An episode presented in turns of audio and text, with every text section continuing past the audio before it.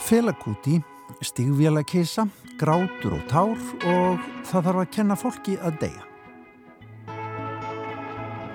Nú er rýma hrætt og hrjáð af heimsins tísku liði smáð, kölluð gömul, leið og ljót og löngu úrelt sorpu dót. Svo hljóðar ein stafhendan úr nýjútkominni bók sem að kallast Rýmur af stígvélakísu. Skúli Pálsson, heimsbyggingur og kennari, er höfundur bókarinnar en rýmurnar í henni byggja á hennu markfræga ævintýri um stígvélaðaköttin. Skúli verður gestur við sjár í þætti dagsins. Hallgrímur Helgarsson, myndlistamæður og reyðtöfundur verður tekinn talið undir lok þáttarins. Verk Hallgríms eru nú til síningar í sapnaðar heimili Neskirkju, vestur í bæ, á síningu sem hann kallar Það þarf að kenna fólki að deyja. Verkin eru öll unnin í minningu föður Hallgríms Helga Hallgrímssonar. Hann var verkfræðingur og fyrir um vegamálastjóri. Hann lést í fyrra. Við tölum um að deyja við Hallgrím Helgarsson í Neskirkju í dag. Og kannski þessu tengt þá fjallar Sigurlín Bjarni Gísladóttir í síðasta sinn um grát og tár hér í Víðsjá í þættinu. Á morgun 15. óttúber er ammaliðstagur nýgeríska tónlistarmannsins Fela Kuti. Að þessu tilefni fer fram tónlistarveistla til heiðus þessari tónlistargoðsögn. Felabration er yfirskriftin á henni. Hún fer fram á skuggabaldri annað kvöld. Þar kemur fram tólmanna afróbít hljómsveitin Fabla og plötusnúðarnir DJ Sammi og DJ Lucky.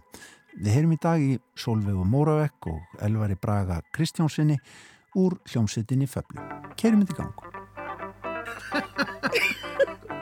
það er svo magnað að við erum búin að hlusta svo oft á fela og lengi og pæli í honum að svo fer maður að skoða eitthvað og finnir maður alltaf eitthvað nýtt. Og það er bara aldrei nóg að efni eitthvað með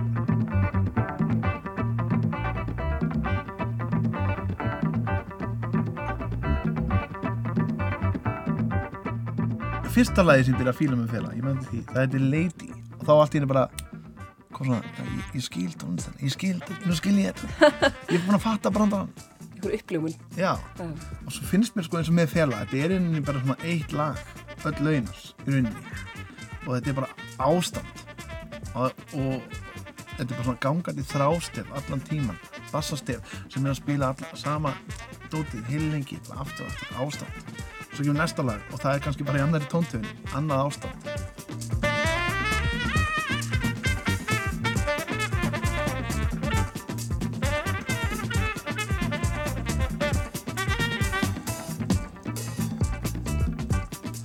Sko, ég hef búin að spila afrobeat tónlist mjög lengi. Ég byrjaði með þarna Bangura band, kynntist því þar. Og svo fatta ég eftir smá tíma að ég hef búin að vera að ég var farin að semja all lögin, útsetja all lögin en nafnum mitt var ekki á bandinu. Þannig ég ákvaði að vera smá sjálfsælskur einu sinni og búa til mitt band. Og mér langaði að segja sögu og fabla því náttúrulega ekki nema er hvað er ekki svona þráðurinn í sögin, sögunni. Þetta er svona smá saga eins og fables á ennsku. Það er ekki smá saga sko. Ó. Nei, nei, nei, nei. Fabla er svona þráðurinn í sögunni. Ég fekk þetta tækifæri að spila við, tækifæri þegar að spila með Bangura og svo var það rosalega gaman.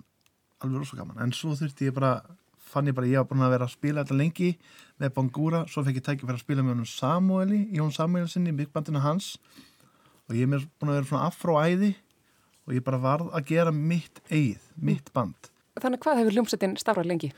Uh, frá því í februar í fyrra. Ok. Við náðum einum tónleikum Já. og svo kom COVID Einmitt. og við erum náttúrulega 12 manna hljómsveit Já. eða 11 manna og þannig að við erum ekki búin að geta komið saman núna í næstu meirinn ár alveg, ferlegt við erum með Óskar Kjartansson á trommur Kristoffer Rodríguez Svönusson á kongas Samuel Jón Samuelsson, hann er á Sjekiri svo erum við Hróðmar Sigursson á gítar og Valbjörn Snæri Lillindal Ingeberg Elsu Turki og Magnús Jóhann Ragnarsson nema hann kemst ekki núna fyrsta svo erum við með Rósa Guðrunni Sveinsdóttir á Barnósax Ingi Garðar Ellensson á básundu eh, Solveig Moravik á tenorsax Eiríkur Óri Ólafsson á trompet og svo ég á trompet líka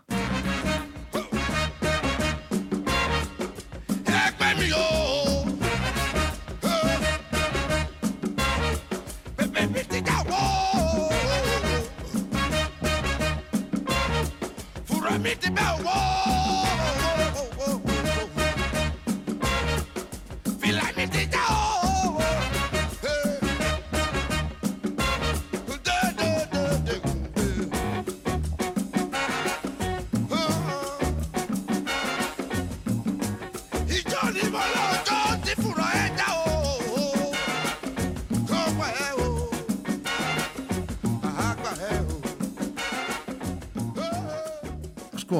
Celebration Day 93 Nei, Fela Kuti, Deyr 93, Hvað sagði ég? Breisum. Já, Fela Kuti, hann deyr 93 og sonur hans Jenny Kuti ákveður fimm ára setna, 98 að gera Celebration sem er orðagrín, Celebration Celebration og, og fagna tónlistin hans pappa.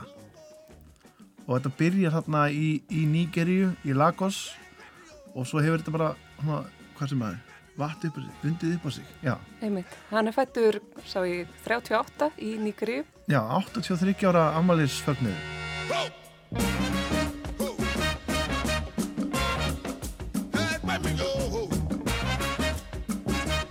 Samuel var búinn að gera þetta áður Sa gera svona celebration og svo fekk hann svo kynnist ég Samuel og við gerum þetta hann, hann gerir þetta, ég fæ að vera með einhver tvö ári röð, Sólið þú varst með líka. Einhvern tíma var ég með, já, þú vorum á, hvað var, litla gula hænan, hitta Bravo. var á- þessi staður er alltaf skiptið nafn? Lögavegu 22. Lögðu 22 Þegar ég var með þegar þetta var í Lucky, Lucky Já, þú Records. varst ekki með á lögavi Nei, Já, og svo var ekki í fyrra út á COVID. Og ég var bara að gera þetta aftur í ár og mér fannst þarna að því að Fabla er náttúrulega búin að vera uh, óstarf, er ekki búin að vera starfandi út af COVID og mér fannst svo viðandi að vera með við, ammælist að fela kuti sem er bara ástæðan fyrir einum að gera þessi tónlist. Já. Og munið þið fly- flytja lögin hans eða Já. eigið efni? heldur betur, við ætlum að spila fjögulög eftir fela og svo verð, að því að verða líka DJ-ar sem er Ingvar Geirsson í Lucky Records og hann verða, já, hann þeir alltaf að spila lög eftir fela og ég hugsaði, þetta er svolítið mikið að fela hann er ég ætla líka að spila nokkuð lög eftir fela í hljómsveitinni sem og lög eftir okkur Manstu hvenar þú hlustaðir fyrst á Fela Kuti?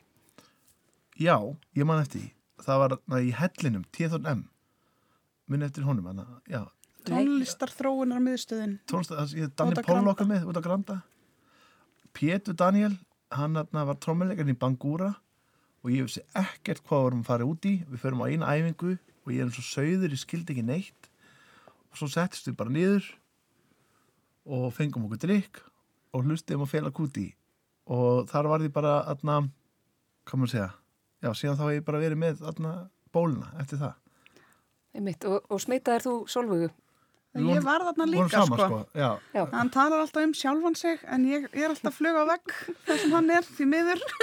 já, einmitt. Ef ekki miður, þá því maður læri mikið. Já. En hérna, já, já, ég var þarna líka.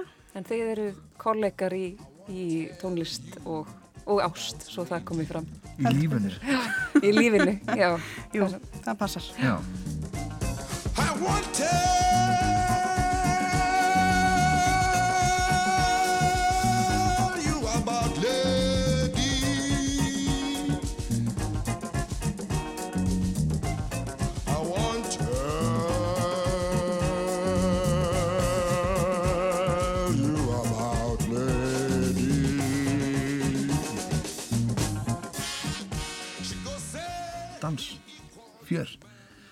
en svo er þetta náttúrulega alls ekki það þetta er hápólitísk tónlist. Glemum því ekki, Nei, með hann er akkurat sonur mikils aktivista og, ég mammans hún var feminiski, feminiskur og var náttúrulega kvennreifingu já, ummitt, já, forma, já, ummitt já, stjórnmálmaður og, en svo var hann með Fela hann fer, hann fer á túr, hann, hann lærir í London klassískan saxónleik og fer þá að spila þar á piano. Svo fer hann til Nígeríu aftur og fer svona, hei, gerum þetta og þá kemur náttúrulega bara allt ennur tónlist það kemur eitthvað allt annað. Það er þeir að reyna að gera blues, jazz, funk en erum náttúrulega með þetta Jóruba, Jóruba tónlist sem er svona, svona, rithmískur nýgeriskur þjólaða tónlist sem einnkynir mikið af miklu rithmum. Og svo er kallinn trómuleikarinn Tony Allen. Hann sem þarna innleiði þessa rithma sem við þá spilaðar kannski á kongatrómu uh, djembe og dum-dum dum-dum er svona bassatrómur og innleiði það á trómusettið og þá verður náttúrulega bara eitthvað allt annað til sem hefur ekki verið trómað áður. Afróbíti svo fer fela með bandið sitt til bandaríkina 60, Átta. 68, 69, eitthvað svo leiðis og þar verður hann miklu, miklu, svona hugljómin, þá sér hann sko úst, þarna, Black Panther uh, heitir það ekki, Black Panther og þarna, Malcolm X og það er svo blökkumannar reyfing í bandaríkjanum einmitt, já. Og þá fer hann heim aftur til Nígeri og verður meira pólitískur. Og og fekk svo aldrei svo súpa segði á því. Það veist hann frá, frá nýgursku stjórnmöldum sko, að því hann var rebel og hann talaði fyrir bara úst, opnu úst, opið kynlíf uh, svo var hann að tala um með eiturlif og svo var hann að tala um bara fólk eða fá að vera frjálst og svona, úst, enda giftist hann 27 konum eins og maður gerir. Og eitthvað svona dæmi og svo gerir hann þetta lag sem heitir Zombie og það er verður allt vittlust að því hann er að innlega heri, að tala um herin Nígeríu eins og það er síðan afturgöngur. Og þá var ráðist á staðinn, hann átti þarna, stað, skemmtistað og þá var gert að reyða á hann stað. Mamma svo drepin hann satt inn í fangelsi skilur, það af því, jú, hann satt inn þar, svo, svo satt hann aftur inni þegar hann fór í fórsveitaframbóð í, í áttinni og svo innleitt hann ættanarni Ransom þegar hann kom út af fangelsinu eða fela Ransom Kuti. Þetta er fúst ótrúlega saga. Og bara að tala um félagar, þetta tala um þetta endalega sko, það er ótrúlega, og lögin, þú hlustar lögina svo fyrir að, að rýna í textana. Eins og lagi Gentleman sem ég fíla rosalega mikið, þá er hann að tala um það að myndir aldrei vera svona herramæður eins og þeir, að því þá fóru stjórnmálamenn að fara að klæða sig í jakkafötin eins og, eins og fólki í vesturhimmum og honum fannst það taktlist no, I, I no be gentleman like that I'll be African man original geðveikt sko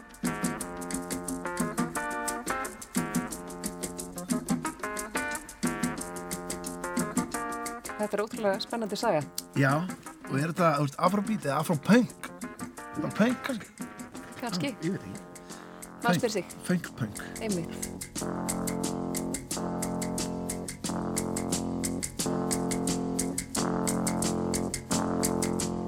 Við tónlistin bara tala sitt og ætlum bara að spila og hafa ógeðslega gaman. Og þótt sé pólitísk tónlist en þá hann að uh, við erum kannski ekki alveg að skilja það hér heima Nei, sem hafði áhrifin þá.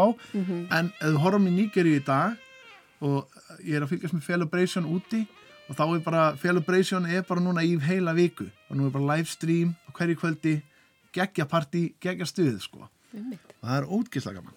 Að ég er gaman að þessu, já, Já, og við þögnum því hér heldur betur heldur betur. á skuggabaldri annað kvöld klun 8. 12 hljóðfæraleikarar. 11, 11. Fyrirgefðu, Magnús Jóhann kemst ekki við erum 11, Æ, já, það var, var fámynd. eða fámenn Já. Já, já. ég vona að Snorri í helga að færi nokkur, nokkur, uh, nokkur borð fyrir fólkið, svo getið dansað Og svo komist fleiri inn, heldur en bara hljómsveitin. Já, líka það sko. En alltaf við verðum að fara að stækka þetta sko. Þetta er allt of, allt of lítið Við kemum þetta líka á lögavinn og Bravo eða hvað sem þetta hétt þá Já, og svo við lökkir að það var líka orðið svo þrengt Þetta er alltaf mjög þrengt og sveitt en ég bíla það er ekki að vera þannig. Er þessu. afrískan hita. það kannski Heri, takk kærlega fyrir komuna. Já. Solveig Moravik og Elvar Bræi Kristjánsson. Takk fyrir okkur, Fyrir okkur. að það koma Já, já, ég ég er Þorgerður Ása Aðarsteinsdóttir rætti þarna við tónlistarparið Solveigu Móravekk og Elvar Braga Kristjánsson úr hljómsveitinni Föblu. En þá Sigurlein Bjarni Kristjánsdóttir með sinn síðasta pistil að sinni um grát og tár.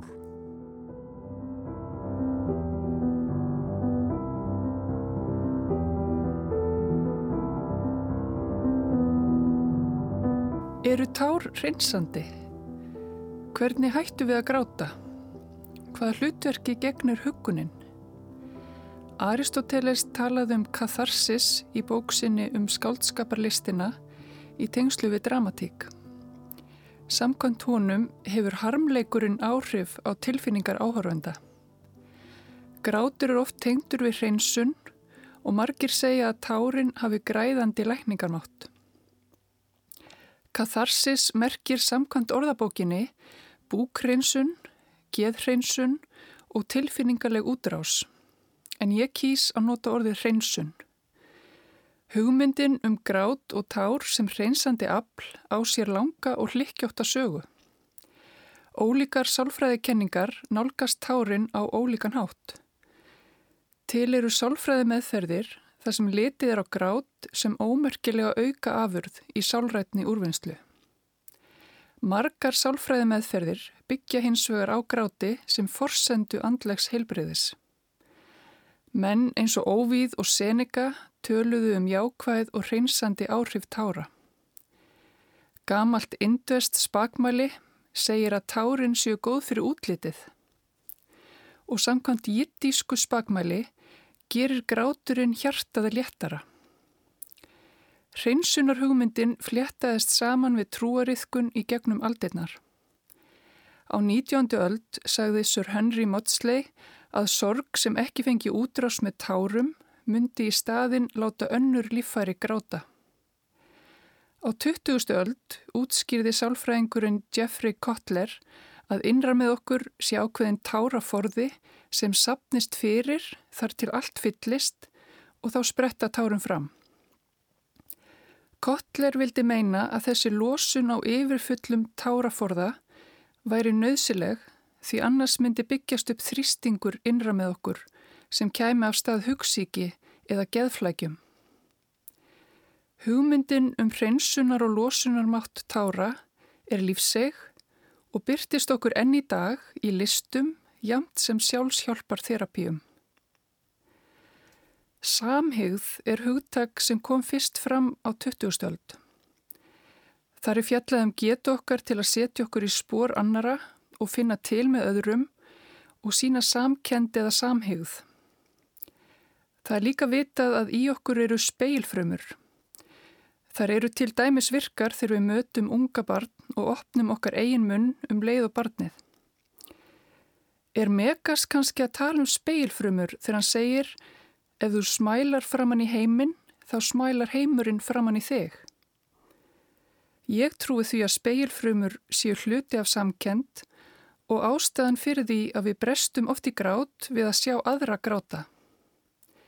Grátur kallar fram samkend hjá öðrum. Öll tár eiga sér upphaf og endi.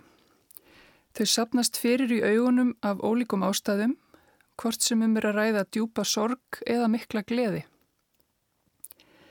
Í ljóðinu Tárin fjallar Ólöf frá hlöðum um gleði og sorgartár og þar segir Dýfsta sæla og sorgin þunga, svífa hljóðlaust yfir storð, þeirra mál ei talar tunga, tárin eru begja orð. Gleðitárin eru í alveg merkileg og sorgartárin. Sumir segja að þegar við grátum af gleði séu við í raun að sirkja breytingu. Sirkja það hvað tímin líður hratt, sirkja fyrri erfileika sem nú er að baki. Sjálf get ég ekki hort á verluna afhendingar á olimpíuleikum án þess að gráta viðstöðulaust. Kannski er ég að samfagna með sigurvegurunum. Gráta yfir þeim hindrunum sem þau hafa þurft að riðja úr vegi, öllu erfiðinu sem þau lögðu á sig og eigið þar með vonum öðruvísi uppskýru í mínu eigin lífi. Ég veitir raun ekki alveg af hverju en ég græt mikið yfir sigurum annara. Öll tár þornaða lokum. Það er ekki hægt að tala um grát að þess að fjalla líka um huggun. Huggunin er mikilvæg og stór hluti af líf okkar. Hvort sem það er meðvitað eða ómeðvitað, sæki ég huggun í tónlist, ljóð, list og náttúruna. Hvað með þig, hlustandi góður? Hvað huggar þig? Hvað geruru? Við hvert talaru? Hvert ferðu?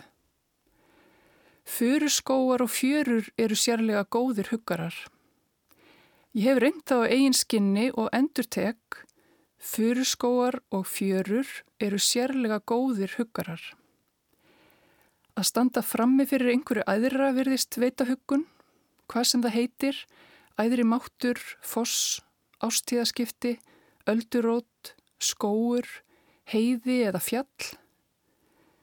Huggunin getur komið út af hlustandi eirum, hughristandi orðum annara eða að við huggum okkur sjálf, hlustum eftir og hughristum okkur sjálf.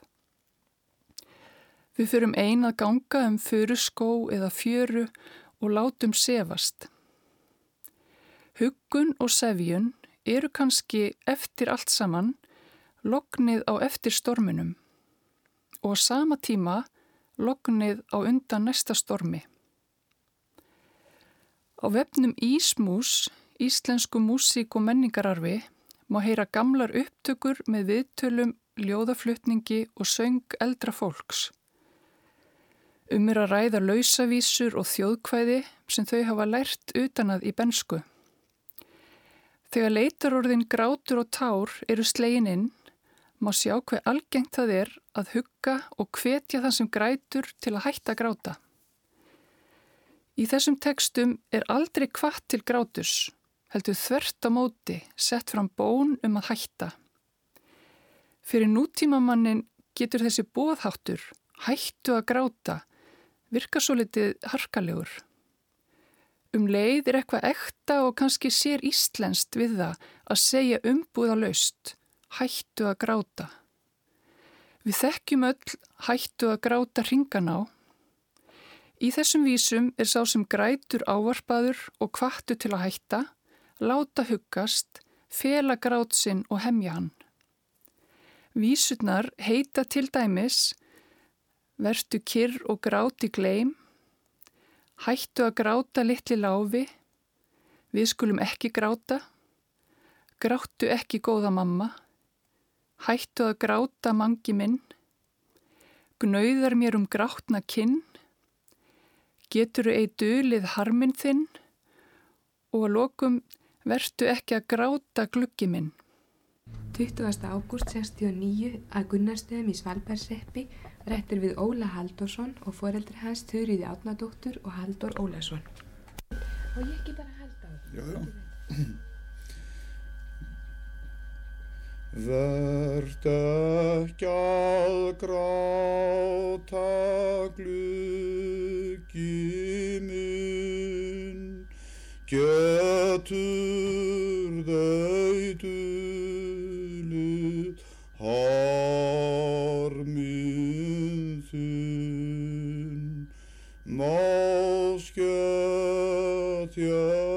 þér tiki þokan svart sem þýtur yfir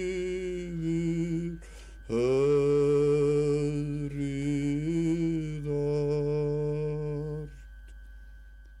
Ólíkir menningarheimar hafa ólíka afstöðu til gráts, viðhorfin breytast með tímanum og líka í okkar eigin lífi.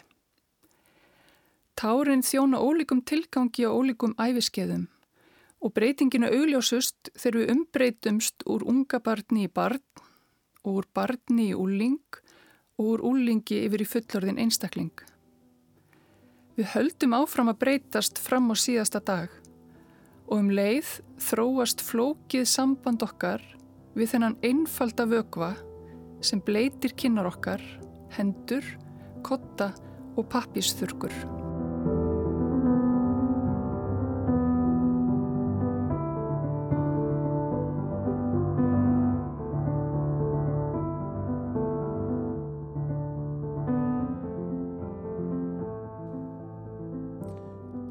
Þarna lauk Sigurlín Bjarni Gísladóttir rithöfundur Pislaröðsunni um grát og tár hér í Víðsjá.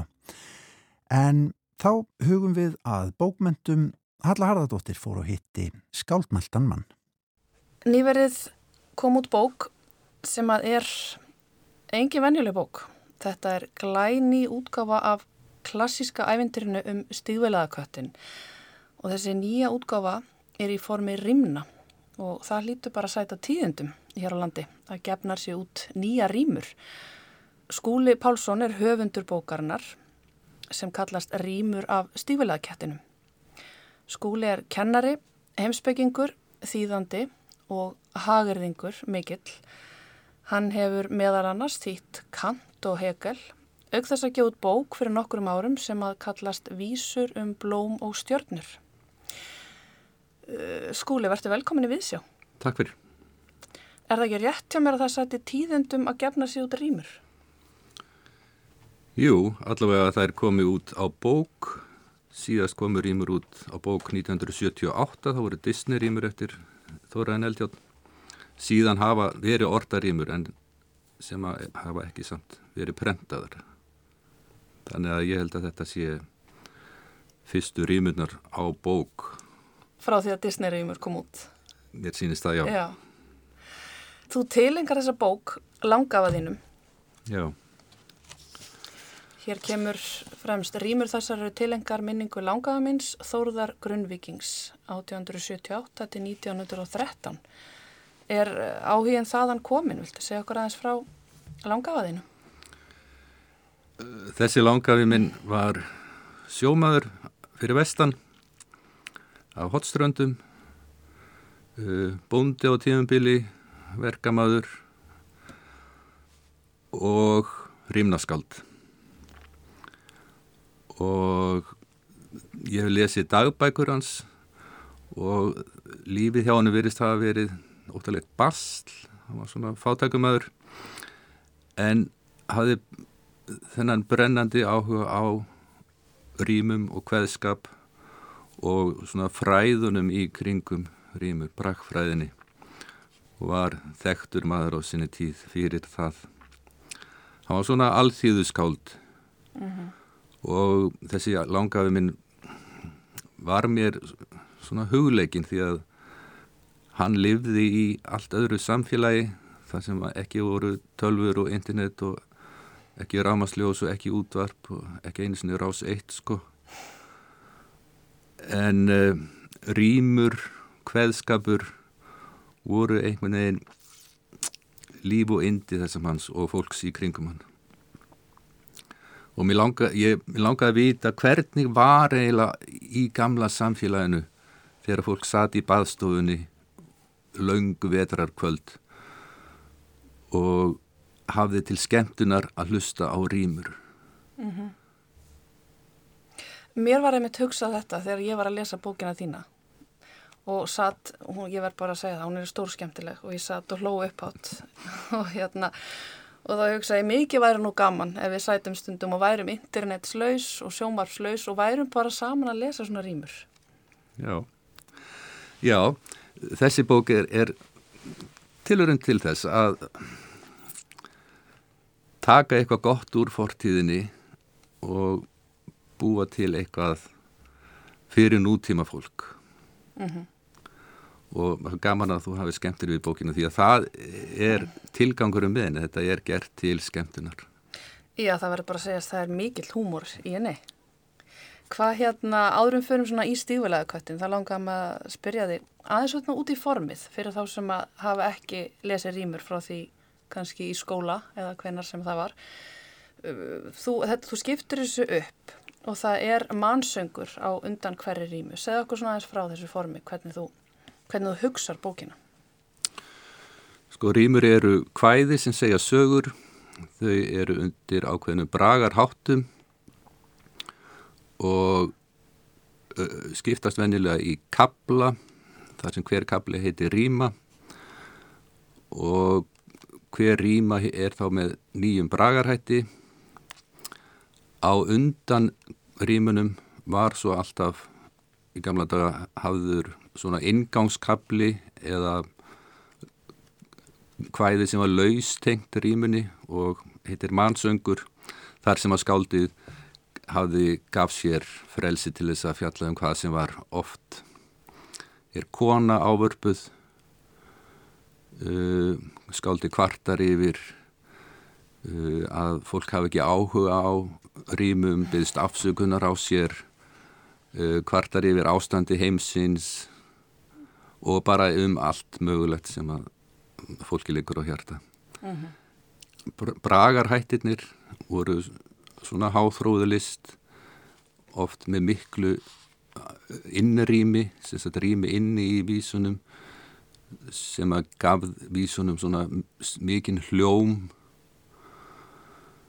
uh, og rýmur þóttu betri eða þær voru ortar með dýrum bragarháttum sem sagt með miklu rými mm -hmm.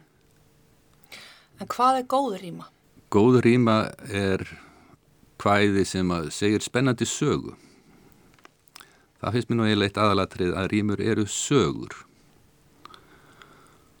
Og maður, þegar maður les vittnisbyrju fólk sem að lifði í þessari hefð, mm -hmm. þá talar það alltaf um að það var gaman að hlusta á spennandi sögur. Það er nú eitt. Svo þarf hún auðvitað að vera vel orð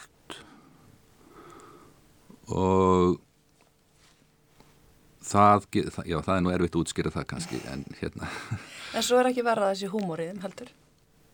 Það er ekki verra en ekki alveg nöðsynlegt en það, það margar rýmur í gamla daga voru svona háalvarlegar. Já, sjálfsögðu. En, en þú talar um að það er gaman að nýta gamla formið og færa það nútímanum og það er einmitt það sem að þú gerir. Þú talar um sko mm, Spotify og Dúbnahóla 10, það er hana tilvitnanir í íslenskar kveikmyndir og svona það er hluti af þessu líka ekki satt. Jú, þetta er tilhörn til þess að fylla gamalt form af nýju innihaldi, nýju sjónarhaldni, nýjum húmor og bara, já, nýjum tilfinningum. Þessi mannsöngur, þar er einmitt eins og þú segir, þar er svona kemur rödd höfundar fram og þú, mér heyrist þú í einum þeirra í bókinni hveða til konu, ekki satt, og svo í öðrum þá ertu svona að kannski skammast út í samfélagi sem að kann ekki með þetta rýmur í dag meðal annars og, og svona hálfgerður ástar óður kannski til rýmunar líka. En hérna mér langaði að byrja um að, að plata þið til að lesa kannski hérna man, úr mannsöng fjórðurýmu Já, má ég plata þetta þess? Já endilega. að lesa hérna rýmu 9 og 10 Úr mannsöng fjórðurímu, bragarhátturinn heitir Stafhend. Nú er ríma hætt og hrjáð af heimsins tísku liði smáð, kölluð gömul, leið og ljót og löngu úrælt sorpudót. Ljóðagiðja gef þú að, græði rímur heiður stað, fremstu hillu í bókabúð, best þeim unni fljóðin prúð. Akkurat, þessi bók er nú komin í fremstu hillu í bókabúð í dag Já, já, hún fæst í bókabúðu núna. Af hverju stígvilaði kötturinn? Já, þetta er náttúrulega bara gamalt æfintýri sem að flesti þekkja og ég kynntist sem barn. Og svo kom ég einhvern tíman auðvitað á það bara þegar ég var fullorinn maður að hvað þetta var skrítin saga. Og þegar maður fer að lesa hana aftur sem fullorinn þá sér maður að þetta er eiginlega ekki við barna hæfi því kötturinn er sko svikarrappur og svo er skrítið í sögunni að kongurinn trúir öllu sem kötturinn segir. Þó það sé allir eigi að geta séð að kötturinn er að ljúa þessu. Og í sögunni kemur ekki fram neginn skýring á því af hverju kongurinn var svona auðtrúa. Og í minni tólkun á sögunni er aðeins svona reynd að finna einhverja raugrætta skýringu á því Það er eiginlega tvistið hérna, nýja tvistið í sögunni að kötturinn er í raun læða. Já, Það breytir alveg stöðunni. Já, bókin heiti Rýmur af stígvila kísu. Ekki, þú sagðir Rýmur af stígvila kettinu nefnilega. Já. Kötturinn er læða. Eða ekki að taka hérna uh, úr fyrstu rýmu. Það sem að þetta Já. kemur í ljós. Um köttin flestir haldað hér sé högna um að ræða. Staðreind kann að kynna þér, kötturinn er læða. Heldur betur. Og það breytir aldrei sjónarhóðin sögunar. Má ég byrja um að lesa meira? Gjarna? Hérna. Ef við tökum hérna a- aðra rýmu bara upphafið á henni, þá fá svona hlustendur aðeins að heyra hvernig þessi kisa er Já. og hvað er að gerast í, hérna, í hvaða er. Hér erum við komið þangað í sögunni að kötturinn hefur tekið til sína ráða, búin að fá malarasónin til þess að búa til stífil á sig. Og í þessari rýmu er bragarhátturinn braghenda. Lénsherrar á lakkskóm öllum löndum ráða, yfir bjóðendur búand peða, bænda sem á ökrum streða. Auðin skapar eins og víðar ófrjáls líður, illa skættur yrkir hljóður, alla daga jarðar gróður. Aðalsmenn og óðalsbændur alltaf græða, á vinnu sinna leiguliða, lögum guðs og fornra síða. Landsins æðsta innvald kongin allir telja, allir virða upp hans þylja ógagrínanlega vilja. Þar er komin þessi saga þegar kísa tekur slungið tál að brasa til að fylla eigin vasa. Stígvélunum búin býst hún brátt til fara, komi svona kledd til dýra, kísa hillir alla fyrra. Í belti sitt hún svartri langri svipustingur, þóttafull hún þannig gengur, þekkir engar hættur lengur. Skjald mei líkust skundar hún og skelvist hvergi, þó að heimskir garmar gargi, gegnir engu lúða þvargi. Gengur djörf sem díjana til dýra veiða, á baki hennar hangir skjóða, hyglaus fetar skóar slóða.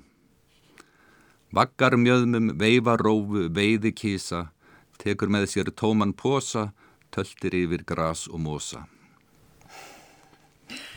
Hún kemst áfram eiginlega bara á sjálfströstunni og kynþokkanum þessi kísa, ekki satt? Jú, jú, og ósvipninni. Já. hún kemst upp með allt. En sko að fá, að þegar hún breytist þarna í læðu, í þinn útgáfið, þá einmitt var mér eins og þú sagði ráðan, hugsa til þess þegar ég var að hlusta á þetta æfinn til þessi barn, hvað þetta var í rauninni skrítið allt. Hvernig náði kötturinn eiginlega að plata allt þetta fólk? Já, já. Það er bara ennþá óskilinlegt, er það ekki? Fólk, ég mæli með að fólk lesi bókina til þess að komast að þessu. Er það ekki? Heldur þú að þetta er eftir að hitta í mark hjá kynnslöðunni sem að notar snjálfsíma og horfir á Netflix alla dag? Þú ert nú sjálfur kennari, kennari unglingum. Hvernig, ertu búin að lesa það fyrir unglingana? Nei, ég, þetta er eiginlega bók fyrir fullorna. uh, Er það? Ég held að unglingarnir já, gaman að þessu. já, já, öruglega sko. Já, allir hafa gaman að skemmtilegur sögu, það er það sem ég sagði á þann. Að hérna, skemmtileg saga, hún grýpur fólk. Og sko, fólk horfir á Netflix út af því að það eru skemmtilega sögur, spennandi sögur. Akkurat. Og Netflix kannski bara sýnir hvað við erum þyrst í góðar sögur, alltaf. Já, ég held að þetta sé eitthvað innbyggt í okkur sko að við langar til að heyra sögur og hafa gaman að sögum. Fólk sem að hefur lesið bókina þessa fáu daga eftir að hún kom út, það hefur skemmt sér yfir henni. Þannig að, já, ég hef fulla trú að, að hérna fólk kunna með þetta. Ég hveti til að lesta fyrir nefndið hans. Ég skal að tuga það. Takk einilega fyrir spjallið Skúli Pálsson og ætla hamingi með rýmur af stífila kísu, ekki stífila ketti. Takk fyrir mig. Og eftir þessu spjalli um stígveluðan kött og rýmur, þá eh, förum við yfir í allt annað. Við förum vestur í Neskirkju þar sem Hallgrimur Helgarsson, myndlistamæður og rithöfundur er búin að hengja upp verk sín á síningu sem að kallast Það þarf að kenna fólki að deyja. Verkin á síningunni eru öll unnin í minningu föður Hallgrims, Helga Hallgrimssonar, verkfræðings og fyrrum vegamálastjóra, en hann lést í fyrra. Við förum vestur í bæ til fundar við Hallgrím Helgarsson og spyrjum fyrst út í þetta. Þarf að kenna fólki að deyja. Bæði og eins og ljóðskaldið ameríska segir þá, þá náttúrulega er heimurum fullur af fólki sem eru aldrei dáið og kann það væntalega ekki og ekki getur kent þetta en um leið þá er kannski hægt að undirbúa sig eitthvað uh, undir þetta. Ég held að pappi hafi verið að meina það sko, hann saði þetta oft sko, þannig í banalegunni. Hann þarf að kenna fólki að deyja. Hann var alltaf með þessa kenningu sko. Hann var sjálfur verkfræðingur vegamálastjóri. Var alltaf mjög skipulaður með allt á hreinu uh, gekk frá öllu áður en hann dó öllum erðamálum, allt alveg í þaula en svo var hann kominn hann á einhverjar óriðu slóðir út í einhverjar torfærir sko, það sem hann hefði enga stjórn á engir vegir, enga brýr lengur og hann upplýði sig þá bara óundi búinn sko. þá, ég held ég tólkaði þannig þannig að við þess vegna sagt þetta að það þarf að kenna fólki að deyja Þarf ekki líka að kenna fólki að syrkja? Svo er það líka sko. Um, ég fekk mikla eldskýrni því fyrir sex árum þegar við mistum barnabarn í fæðingu. Og það var náttúrulega mesta martröð sem ég hef lendi og þannig að ma maður kom svo sem ákveðlega skólaður inn í þetta. Andlátt pappa sko en dauðin er svolítið mikið tabú hjá okkur og, og maður svona verður varfið það að sumum finnst þetta óþægileg síning einmitt út af því að fólk veigra sér við því að horfast í augu við dauðan eða okkur hætti til að halda þessu út í hodni í samfélaginu. Ég kom inn áðan áður en þú komst og, þetta er náttúrulega bara já, þetta er pínlítið sjökkrandi eh, alltaf sama andliti aftur og aftur frá mismöndi sjónarhóttnum og eða þessi ángist uh, fyrir því að, að vita að nú er alltaf verið að yfir staði ég menna við bara lokum algjörlega á þetta. Ég menna er það ekki flest? Það er mjög fáið sem er hittir sem segja já ég er nú bara alveg tilbúin í þetta sko. Já, kannski einhverjir í Sálarósson að vilaðinu sko sem að þeir voru svolítið hrifnir þessu þessu hugsun sko að þurft að, að halda námskeið í, í því að tegja ég held að sé, ég haf vel eitthvað að hugsa um það ég heiti Magnús Skarpjæðsson, sagði mér það okay. en hérna já þetta er eitthvað sem við ítum frá okkur enda svo sem ekkit kannski gaman að vera alltaf að hugsa um dauðan sko, mm. þegar maður er í sínu kvestarslega amstri en ónættilega þá er þetta staðarind sem að mun hellast yfir okkur fyrir það síðar mm. Þannig að mér fannst þetta aðalega sko, þessi gatamót lífs og dauða eru mjög spennandi. Maður er náttúrulega forveitin sem listamöður og, og þegar ég sá bara pappa sjá dauðan, hann, ég sá hann sjá endalókin og það var eitthvað svona mögnuð sín sem blasti við mér. Og ég var að reyna að ná þessu í þetta málverk sko. Að hann svolítið svona eins og horfir upp til Guðsins þó hann hafi ekki verið mjög trúaður eh, hann allavega horfir í horfist í auðvið endalókin og þá kemur þessi svipur sem verður svo magnaði fyrir mér Einmitt, þú, þú vísar hérna í kannski aðalverki á síningunni sem er málverk á strega og einmitt við horfum bara beint ofan á eins og úr jafnvel bara ofan á skýjum eða eitthvað ofan á þann sem að liggur bananleguna í svona þessu sjúkra rúmi samtíma við erum búin að stopna við þetta auðvitað.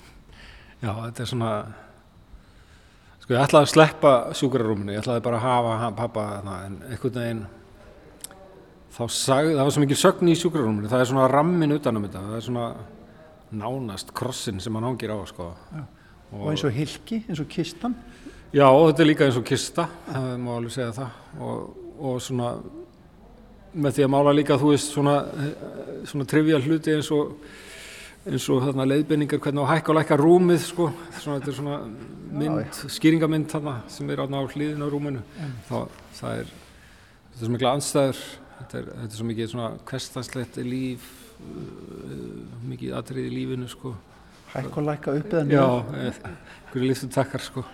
Og, og meðan að á þessu stendur það var skemmtilegar andstæður. Ja. Sko það er þetta rína lengi í þessi verk og maður sér samt eitt sem að heila skagar fram úr og skýst fram úr í orðsins fylstu merkingu, það eru augun og augað af hverju leggur þú svona mikla áherslu á augað? Ég veit ekki, ég byrja alltaf á auganu þetta er bara frá því að strákur það er alltaf teiknað bara augu fyrst og síðan kemur eitthvað. Og mér finnst eitthvað svona mikilvægt en sjálfsagt þetta er verkefni fyrir sálfræðingar sálgrinnar mig eða eitthvað. Ég hef ekki alveg reyðar skýringur á þessu. En já, ég byrja alltaf á augunum því að þá, þá svona þá komir einhver karakter, þá komir eitthvað líf í myndin og þá er þetta er aðalatrið og síðan, síðan get ég farið að spinna út frá því sko. Sálinn er hana í gegn. Já, sálinn í gegn.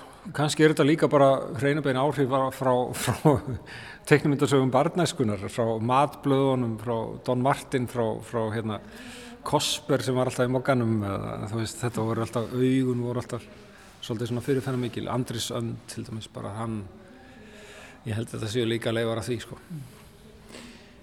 Það er einmitt, þú nefnir teknimyndir, mér var strax hugsað til teknimynd og teknimyndastíls, ég hérna, sundi bara svona eins og reynir stimpi hérna teknimyndinar til dæmis, svona eins og úttúknuðu augu og, og svona pínu klikkun í gangi. Já, það var, það, var það mikilvægt fyrir þig að fara þangað?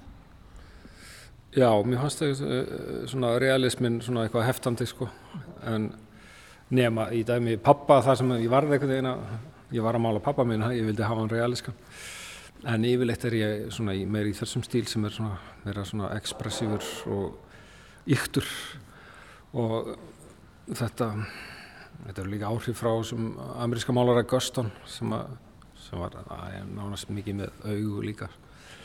En uh, ég held að ég geti sagt bara þetta sé líka gammal stíl hjá mér sko sem, að, sem að kom upp úr þessum teknimyndablöðum í gamla daga en mér er svona spennandi, fannst það alltaf sko spennandi að blanda saman karikatúr og djúbri tilfinningu þannig að það gera skopmyndina að ljá henni eitthvað svona djúf, dýft sko og að hún kæmi innan úr sálinni sko Hallgrimur, ég er búin að byggja hérna prestin leifist þess að við fáum að fara aðeins inn í kirkju. Nú vil ekki koma með mér inn. Ok, tekum á því. Já, hér er alltaf mjög hljóðist. Já, allt annars nátt, sko. Það er alveg svona... Er steindött, steindött. Það er heppir. Fallið þessi kirkja alltaf í byrtunni. Já, þetta er mjög vel hefna kirkja. Sko. En fókus hætti? Já. Uh, Hvað er með það? Ertu trúaður? Það, ég get aldrei svarað þessa spurningu en það er alltaf eitthvað í manni sko. Ég hef alveg ekki sagt nefnir þjóðkirkjunni, menn það þarf maður ofta á hann að halda. Með smá tilgerði í því að vera að segja þessu þjóðkirkjunni og koma svo skriðandi yfirleitt í líkistunni sjálfur bara. En ég menna þetta var sorgarferli að, að gera þessa myndir.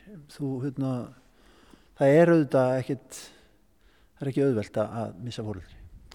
Nei, þó hann, sé, þó hann hafi verið gammal og oft færsalt líf og við köttum hann vel, sko, það var alltaf svona viss sorg, sko. Þetta er kannski framlenging á sorgarferli að ég hef tekist að lengja í því, sko, að vera bara heilt ár að mála með út úr því, sko. En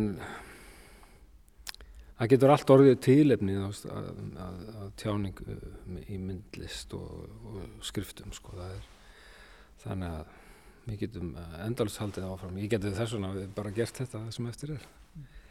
Þá getur við að minna einn döðdagi mætir.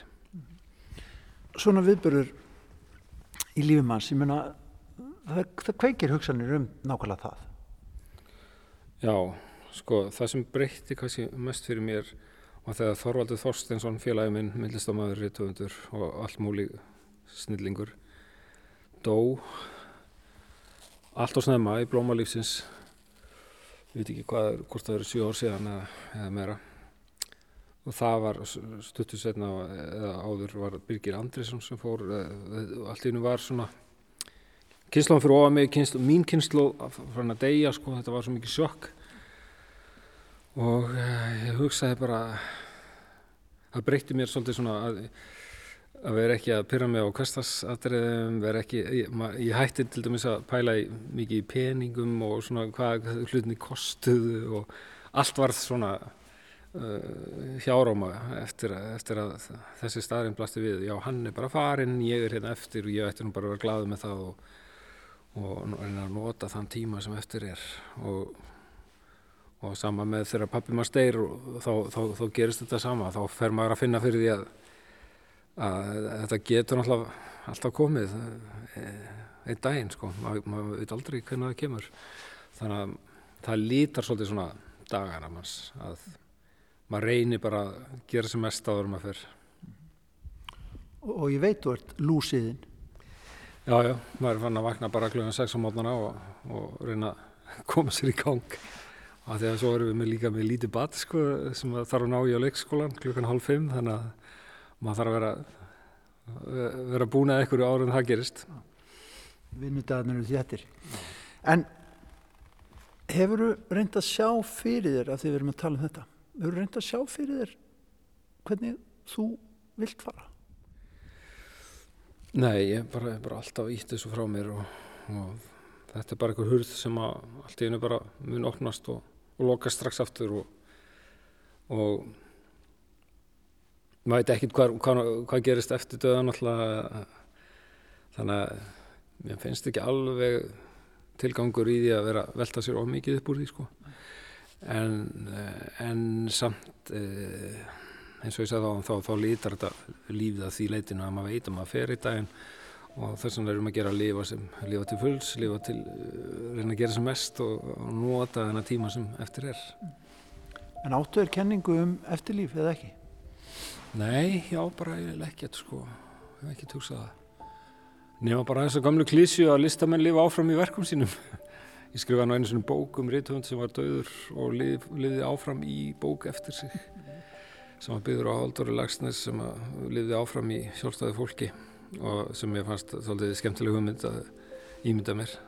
Þannig að einhver leiti er það staður reynd að listamenn lifa áfram og, og svo veit maður ekki hvaða listamenn eða hvaða listaverk munu lifa. Það er eitthvað, kemur eitthvað óvænt ég meina Bach dó bara sem einhver óbreyttur organisti og, og síðan var hann uppgötaði löngu setna sem einhver stórkvöldslega tónskáld þannig að maður veit aldrei svo geta þeir sem eru frægir lífandalífi bara fallið í glemsku og, og einhver annar, einhver organisti á Húsavík sem að verður Almaðurinn. Já, almaðurinn sko. Já, baklifir en takk alveg fyrir spjallið Hallgrimur og takk fyrir að taka á mótum mér inn í Nenskirkju og í Safnarheimilinu og að segja að þið dróðið hérna inn í þetta heilaða hús Hér er gott að vera. Hér er þögn og veginn góður andi. Njótum hennar um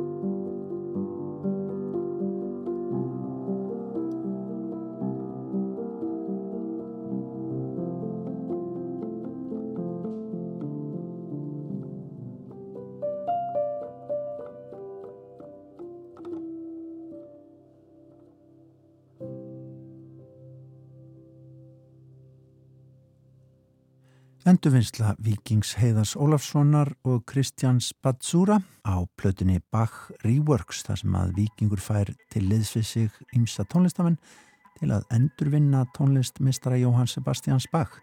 Og þessar meðferðir heita einmitt And the Hour of Death. Þetta sem satt á dauðastundinni. Þarna undan þá rættum við við Hallgrím Helgarsson um síningu hans í safnaðar heimili Neskirkju sem heitir þetta það þarf að kenna fólki að deyja. En svona ætlum við að ljúka við sjá í dag á getur hlustendur. Verðum hér aftur á mánudag klukkan 16.05 á okkar venjubundna tíma.